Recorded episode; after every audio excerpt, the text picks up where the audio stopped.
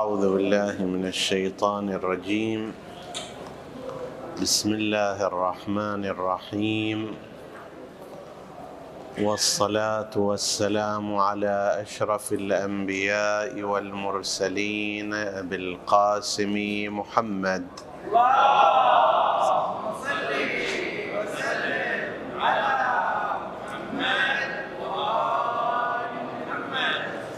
وعلى أهل بيته الطيبين الطاهرين المعصومين المكرمين. السلام عليكم أيها الإخوة المؤمنون أيتها الأخوات المؤمنات ورحمة الله وبركاته.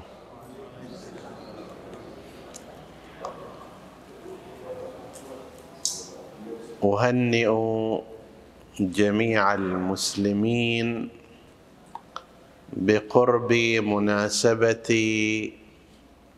ميلاد سيد الخلائق وخاتم المرسلين سيدنا ومولانا رسول الله صلى الله عليه وآله. وأسأل الله سبحانه وتعالى الذي عرفناه أن يكرمنا بشفاعته ورؤيته ومرافقته يوم القيامة. إنه على كل شيء قدير. ونتحدث هذا اليوم عن بعض ما يرتبط بالصلاة عليه وعلى أهل بيته.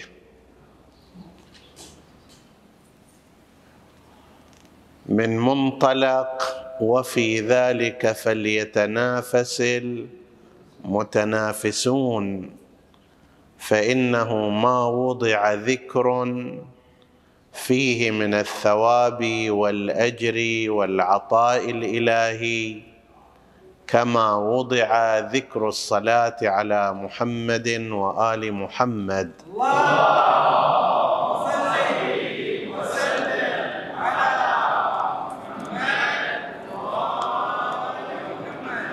فقد ورد في الأخبار عن أئمة الهدى عليهم السلام أنه من لم يقدر على ما يكفر به ذنوبه فليكثر على ما يكفر به ذنوبه فليكثر من الصلاة على محمد وآل محمد فإنها تهدم الذنوب هدما.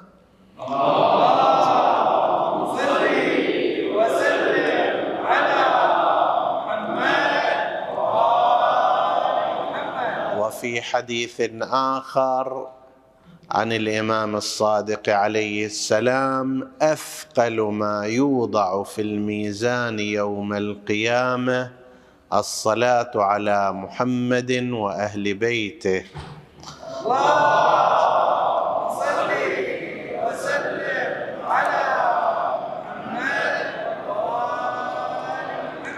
وفي حديث آخر عنه إذا كان عشية الخميس وليلة الجمعة نزلت ملائكة من السماء لا يكتبون عشية الخميس وليلة الجمعة بيدهم معذرة بيدهم أقلام من الذهب وصحائف من الفضة.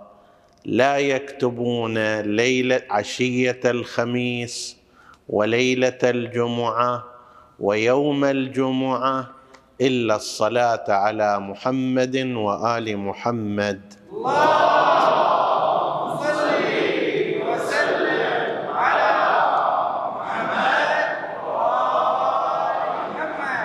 وبطبيعه الحال فإن هذه الصلاة المقصودة هي الصلاة الكاملة لا المبتورة وإلا ففي الرواية عن الأئمة عن النبي صلى الله عليه وآله أنه قال من قال صلى الله على محمد وآله قال الله له صلى الله عليك.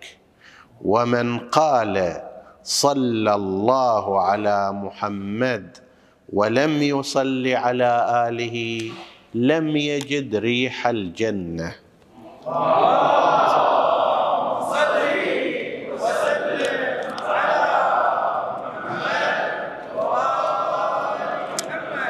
والحديث في الصلاة البتراء وما جاء من النهي عنها معروف بين المسلمين جميعا.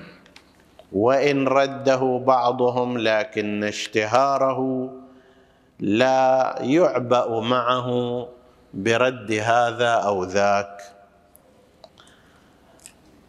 نقول هذا في إجابة أيضا على أحد السادة الأشراف من علماء عمان من غير أتباع المذهب فإنه على طريقة أهل عمان من الملاينه وعدم التعصب والانسجام لما سمع إحدى محاضراتنا والتي ذكرنا فيها في أيام وفاة رسول الله صلى الله عليه وآله أن شيعة أهل البيت عليهم السلام هم أكثر الناس اهتماما بالصلاة على محمد وأهل بيته. اللهم صل وسلم على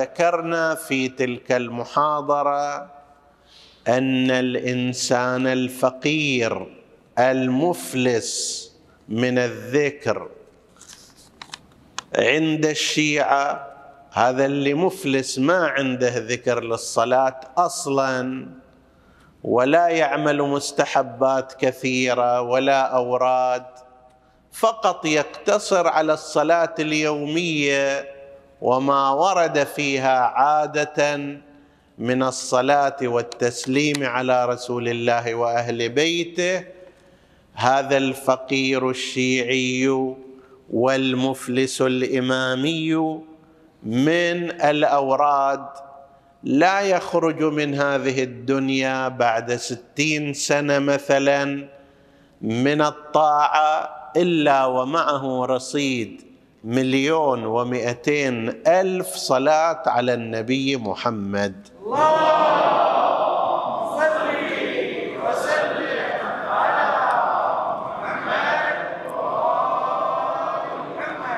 هذا الذي نفترض أنه لا يذكر الصلاة أصلا إلا في الفرائض اليومية.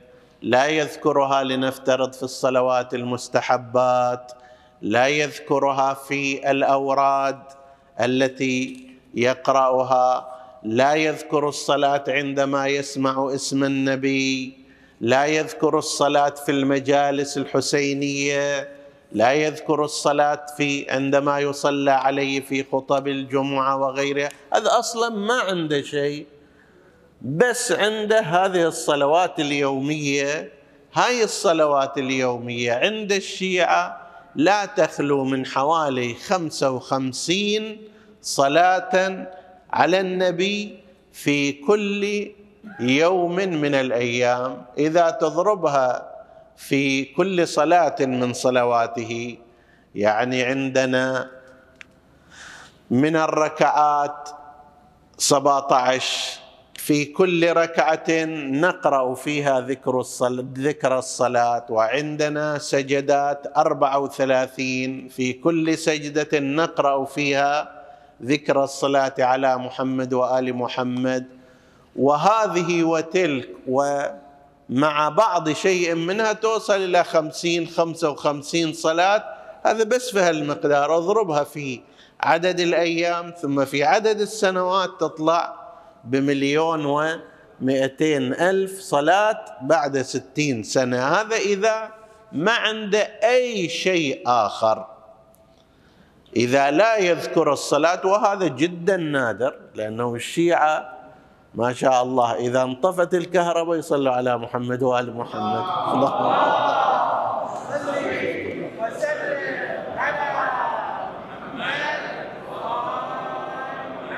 وإذا اعتلقت هم يصلوا على محمد وآل محمد. إذا صارت اللهم صل وسلم على إذا صارت زحمة يذكرون الصلاة. وإذا انفتشت الزحمة يذكرون الصلاة. وعلى هذا المعدل طيب فذكر الصلاة على النبي على طرف لسانهم في كل شيء. وإذا تريد أنت من باكر الصبح احسب إلى المغرب. كم مرة أنت تذكر ذكر الصلاة في الحالة العادية؟ هذا كما قلنا الذي لا يذكر أي شيء من هذه القبيل فقط يصلي إنسان متدين يقتصر على الصلاة الواجبة. هذا لا يخرج إلا برصيد مليون ومئتين ألف صلاة بعد هذا العمر. طيب. أحد الأشراف وهو سيد أيضا يقال لهم الحبيب عادة في غير الأفق الشيعي يقال لهم الحبيب فلان وهو عالم ولفظه لفظ جميل يعني بعد أن حيا وسلم وكذا قال أنا استمعت إلى المحاضرة وهي محاضرة جيدة وقيمة ولكن أظن أن الصوفية هم أكثر ذكرا لرسول الله صلى الله عليه وآله فإن عندهم الأشخاص المبتدئين عندهم ذكر وورد خمسة آلاف مرة صلاة على النبي. وأما المتقدمون فيهم فعندهم خمسة وعشرين ألف ذكر أحيانا يومي أحيانا أسبوعي. فإذا هؤلاء لديهم ذكر الصلاة على النبي أكثر من غيرهم ونحن نحب أن يكون هذا الأمر. هذا كلام الذي ورد في تلك الرسالة والتعليق على ذلك على تلك المحاضرة. كما قلت على طريقة أهل عمان من الأدب ومن المحبة وهذه لو تنتقل هذه الصورة إلى سائر المجتمعات شيء بديع. يعني الاختلاف المذهبي في هذه الدولة لا يعيق التفاهم الاجتماعي ولم يصنع احقادا. رأيناه يعني ليس أمر فقط بالنقل وهذا أمر معاش. وهذا من ذاك أيضا. هذا واحد. الأمر الآخر أنه نحن نرحب جدا بأن يكون تنافس المسلمين في مثل هذا الأمر. لو لو علمنا أن مثلا المذهب الفلاني أو الطريقة الفلانية تكثر من الصلاة على محمد وأهل بيته فهذا هذه قرة أعيننا وهذا منى نفوسنا. ونسأل الله من كل قلوبنا أن يوفق المسلمين جميعا إلى الإكثار من الصلاة على النبي وآله.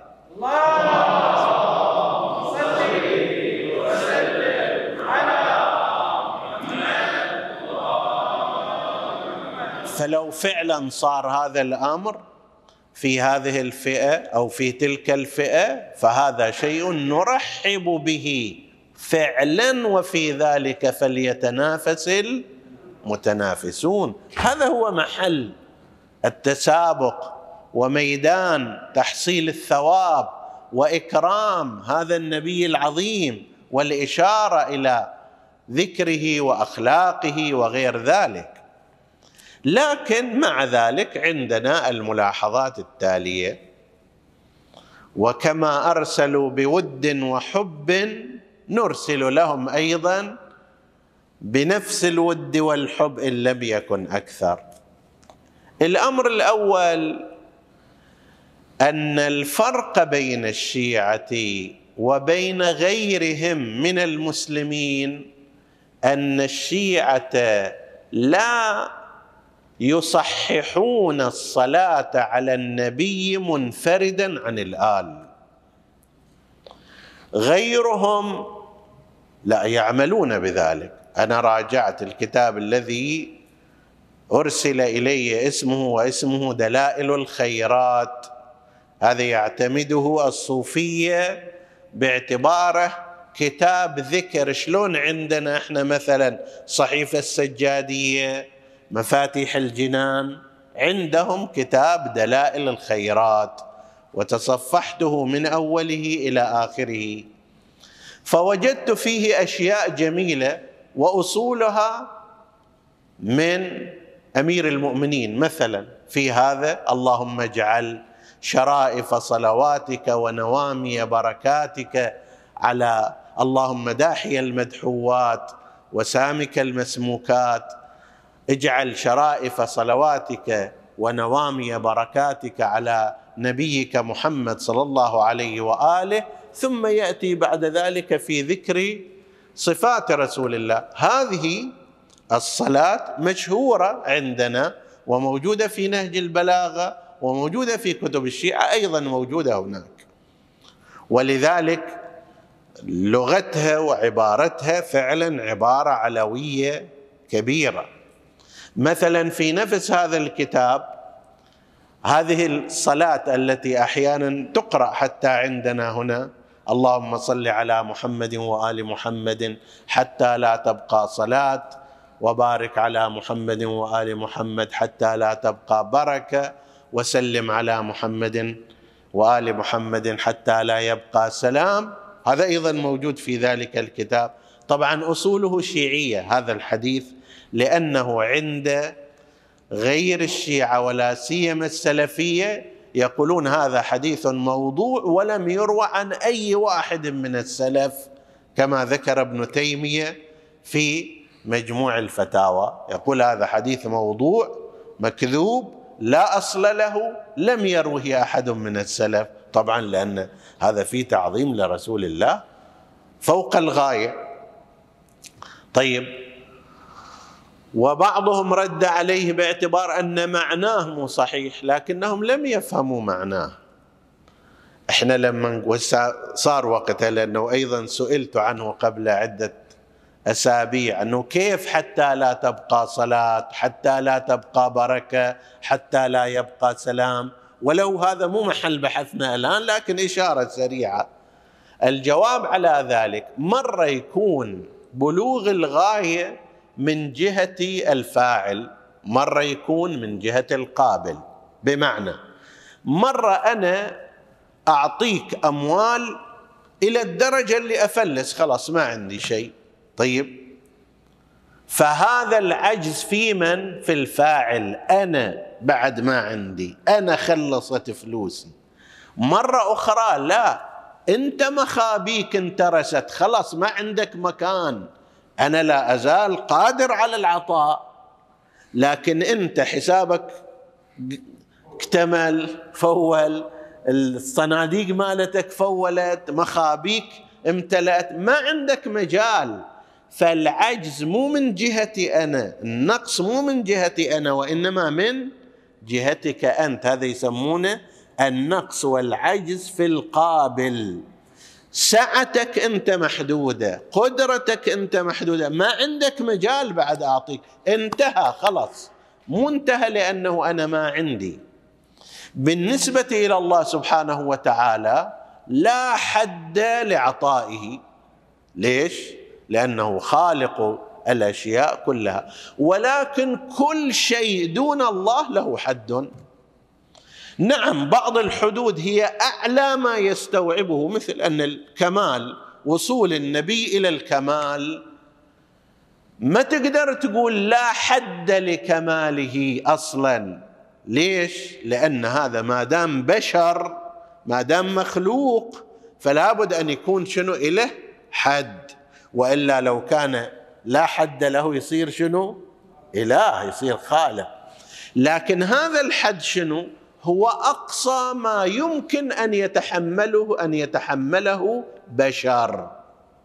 القوة مالته أقصى ما يمكن أن يتحملها بشر. العلم أقصى ما يمكن أن يتحمله بشر.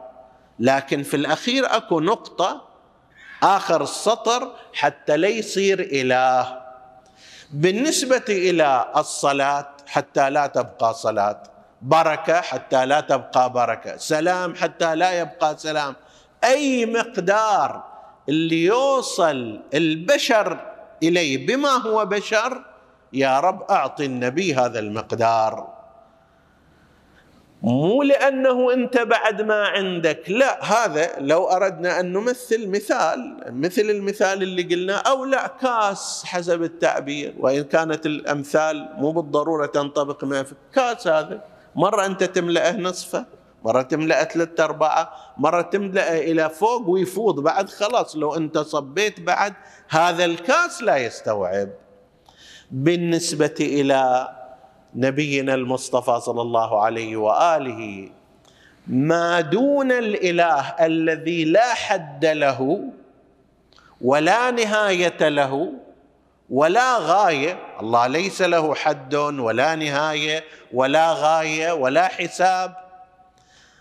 ما دون الله سبحانه وتعالى أعلى شيء يستوعبه بشريته الله يعطيه ويعطيه ويرفعه ويرفعه. وإحنا نطلب هذا الشيء.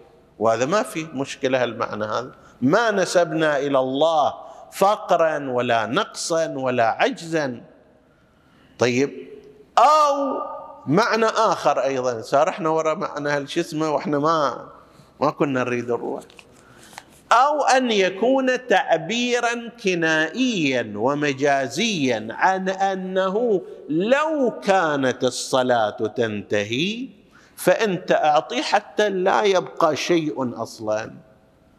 لو كان السلام ينتهي منك لو كان مع أنه مو هالشكل وإنما هو تعبير كنائي ومجازي. طيب لو كان الأمر هكذا فنهاية ما تعطي أحدا أنت أعطي. إلى أن يخلص هذا السلام والبركة والصلاة وإلى آخره مع أنه لا ينتهي من جهة الفاعل والخالق. زين هسه خلنا نرجع إلى أصل موضوعنا. كلامنا اولا في أن ميزة شيعة أهل البيت عليهم السلام عن غيرهم أنهم يلتزمون بالصلاة التي آمر النبي بها وعلمها المسلمين ورفض غيرها. مو بس علمها لا في في روايات عندنا أن النبي صلى الله عليه وآله رفضها وإلى هذا أشار الإمام الشافعي في شعره المشهور من لم يصلي عليكم لا صلاة له. إشارة إلى إلى حديث عندهم من صلى علي ولم يصلي على أهل بيتي فلا صلاة له. الله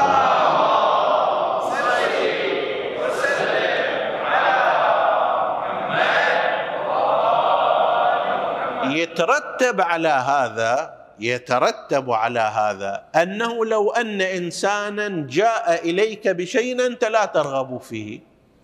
مثلا ناداك يا فلان تقول له أنا ما أريد تناديني بهذا بهذا اللفظ.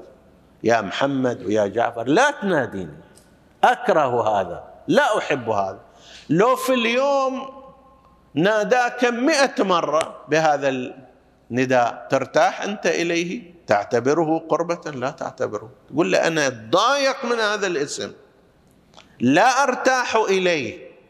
ليش تكرره علي؟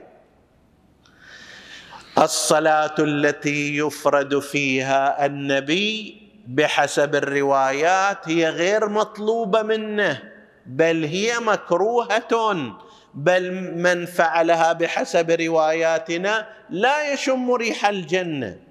فلو أنا إجيت وسويت مئة مليون صلاة من هالنوع هذه وأنت صليت صلاة واحدة فقط من الصلاة المطلوبة والمرغوبة لا ريب أن تلك الصلاة أكثر من هذه. ولو أنت بالعدد أكثر لكن أنت تأتي بصلاة أنا لا أرغبها لا تصلوا علي الصلاة البتراء. طيب طبعا في مثل هذا الكتاب مو كل صلاة بتراء ها؟ في أيضا صلوات كاملة وفي صلوات فيها زيادة نعتقد أن حكمها حكم غير غير غير طبيعي. مثل اللهم صل على محمد وآل محمد وعلى أزواجه وعلى أصحابه وعلى أتباعه وعلى من جاء وعلى من راح وعلى اللي قام واللي قعد. هذه ليست هي الصلاة المطلوبة من النبي. أنت إذا متشرع تقف عندما لذلك جاء قال قد عرفنا التسليم عليك فكيف الصلاة عليك؟ فقال لهم قولوا اللهم صل على محمد وآل محمد كما صليت على إبراهيم وآل إبراهيم إلى آخره. على محمد وآل محمد كما صليت على إبراهيم وآل. فتعليم اكو ونهي عن غير ذلك. فما كان من الصلاة وهو الأكثر للأسف من الصلوات مجردا عن أهل بيت رسول الله قد يقال أنها غير مطلوبة وغير محسوبة بل ربما يرتكب الإنسان خلاف ما أمر به في هذا كما مثلنا. شيعة أهل البيت ميزتهم هو هذا. فلو فرضنا إنسان شيعي جاب بعشر صلوات بما أمر به وإنسان غير ذلك جاء بمئة صلوات من غير المأمور بها لا ريب أن هذه أقوم وأفضل. لا أريد أن أقول أن كل ما جاء في هذا الكتاب صلاة بتراء لا. يوجد لا سيما تلك الصلوات المتأثرة بالحالة الشيعية يوجد فيها صلوات على النبي وعلى أهل بيته صلوات الله عليهم هذا واحد. اثنين إحنا عندما نقول الشيعة هكذا يقابلهم غير الشيعة مذهبيا فنحن نقايس المذهب بالمذهب لا المذهب بالطريقة. الصوفية طريقة ليست مذهبا ولذلك حتى عند الشيعة أيضا يوجد صوفيه عند السنة يوجد صوفيه لكن الصوفية ليست مذهبا.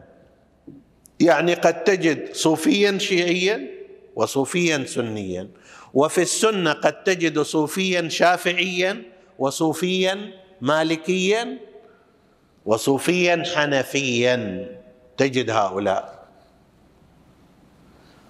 فاذا الصوفية هي طريقة وهذا الجميع يقر به ليست مذهبا من المذاهب. فلما نقول الشيعة تجي تقول لي لا الصوفية عندهم كذا وكذا أقول نعم حتى الشيعة أيضا فيهم صوفية. قياسنا ومقارنتنا ليست مذهب في مقابل طريقة وإنما مذهب في مقابل مذهب. نقول لو قايسنا أي مذهب من المذاهب الإسلامية بل مجموع المذاهب الإسلامية في مقابل شيعة أهل البيت في الحرص على ذكر الصلاة على محمد وآله بشكل برنامج يومي وهذا راح نشير إليه بعد قليل.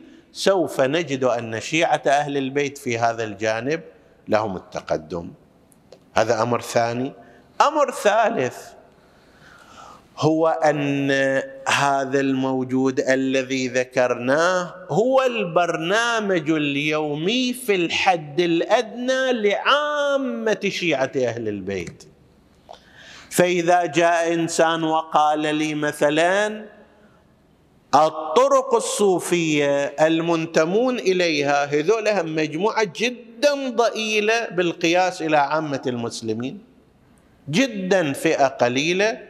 وبعض المذاهب الأخرى يعني ما تقصر وياهم في هتكهم والتشويش عليهم وما شابه. نفس هذا كتاب دلائل الخيرات اللي هو بمثابة برنامج دعوي وورد عند الصوفية معلق عليه بعض أتباع المذهب الحنبلي والسلفيين ومبين فيه حسب ما يقول الألفاظ الكفرية والألفاظ الما أدري المخالفة للشرع وإلى آخره متبعها كلمة كلمة.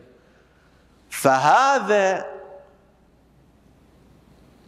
بالقياس إلى سائر المسلمين. الفئة الصوفية الآن أنا لست في مقام تقييمها أنها طريقة صحيحة أو مو صحيحه أو أن مخالفيها يعملون عملا صحيحا أو لا لست في هذا المقام ذاك إلى حديثه الخاص. لكن أقول هؤلاء أي الصوفية عندهم هذه الحسنة عندهم التوسل بينما عند باقي المذاهب وقسم منها توسل يعتبر بدعة. عندهم هذه الصلوات عندهم هذا التعظيم لرسول الله صلى الله عليه وآله بينما عند بعض المذاهب غيرهم يعتبرون هذا غلو ويعتبرون هذا في ألفاظ كفرية وما شابه ذلك. طيب فنقول أن هذه الفئة لا تشكل إلا شيئا قليلا في داخل المذاهب. تفترض مثلا في المدرسة جماعة المتفوقين لنفترض. المتفوقون لا يشكلون كل التلاميذ حتى تقيسهم بغيرهم وإنما لازم تقيسهم بالمتفوقين. الصوفية شغلهم هو هذا. الذكر متخصصون في الأوراد متوجهون إليه. لكن هذا لا يشكل إلا نسبة ضئيلة وقليلة من أتباع المذاهب. نحن نتحدث عن الشيعة باعتبار برنامجهم الاعتيادي هو هكذا. كما قلنا أفقر فقراء الشيعة في الذكر هو هذا الذي يعمل وهذا اللي ما عنده لا أوراد ولا أذكار ولا أدعية ولا حضور في المجالس ولا ولا إلى آخره. هذا إذا ما يسوي أي شيء راح يسوي له مليون ومئتين ألف صلاة بعد ستين سنة لأنه يمارس ذلك في صلواته اليومية. فاذا القياس اولا لا ينبغي أن يكون قياس مذهب بطريقة وإنما مذهب بمذهب. ونحن نتحدث عن الشيعة باعتبارهم مذهب فقارنهم بأي مذهب آخر. هذا واحد. والأمر الآخر كما ذكرنا أن الصوفية في أورادهم وأذكارهم هم جزء محدود في مذاهبهم. وليسوا كل المذهب ولذلك يبقى هذه فئة خاصة معينة تمدح لهذه الجهة لجهة الأذكار وما شابه ذلك. على خلاف مثلا من يحرمون هذه الأمور ويبدعونها وما شابه ذلك.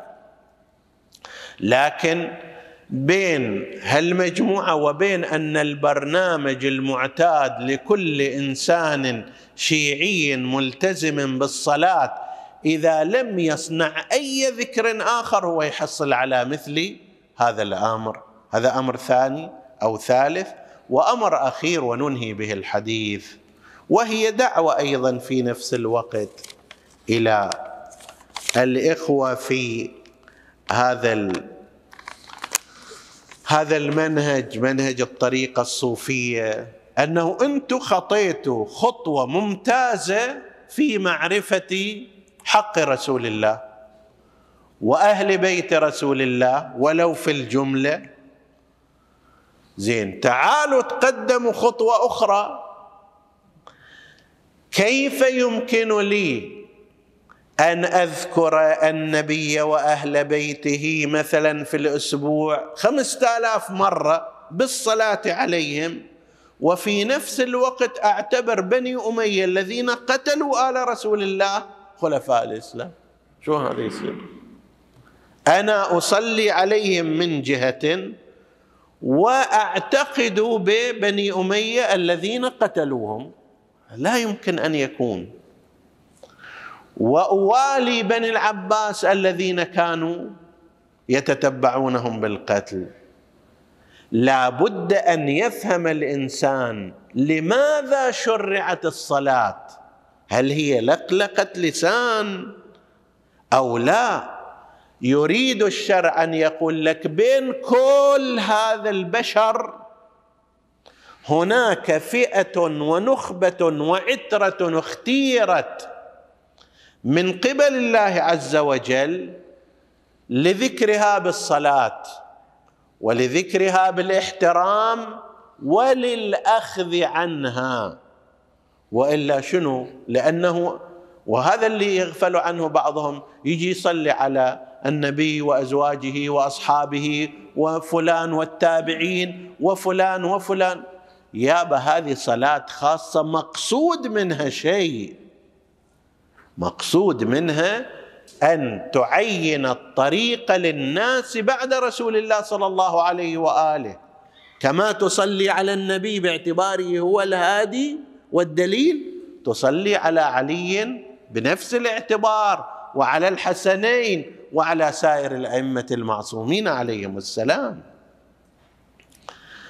لا يصح أن يفكر الإنسان أنا أصلي على أهل بيت محمد ومع ذلك أوالي أعداءهم ومع ذلك لا آخذ الفقه منهم ومع ذلك لا آخذ العقائد منهم.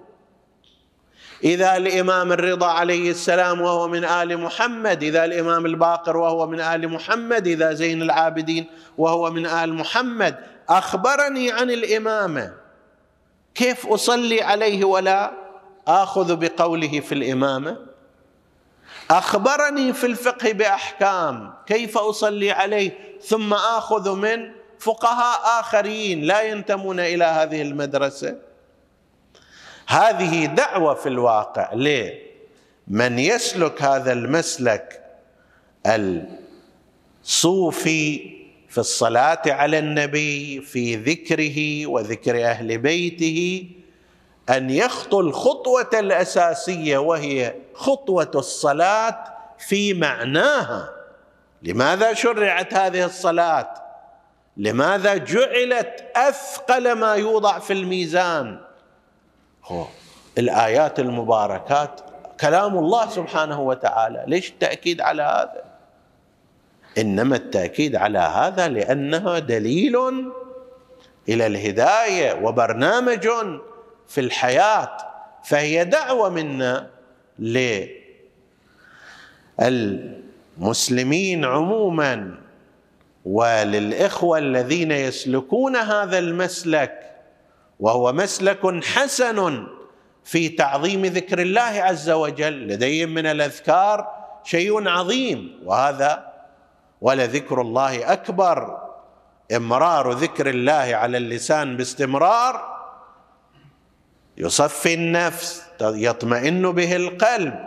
وهكذا الحال بالنسبة إلى ذكر الصلاة على النبي صلى الله عليه وآله وذكر آله بالصلاة. هذه لها معاني.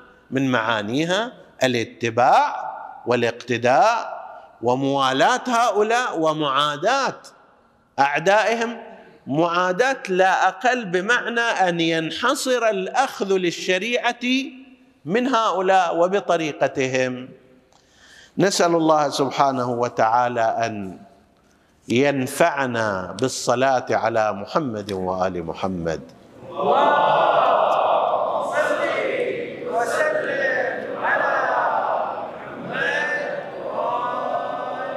وان يحشرنا معهم في الآخرة كما عرفنا إياهم في هذه الدنيا. إنه على كل شيء قدير. وصلى الله على سيدنا محمد وآله الطاهرين.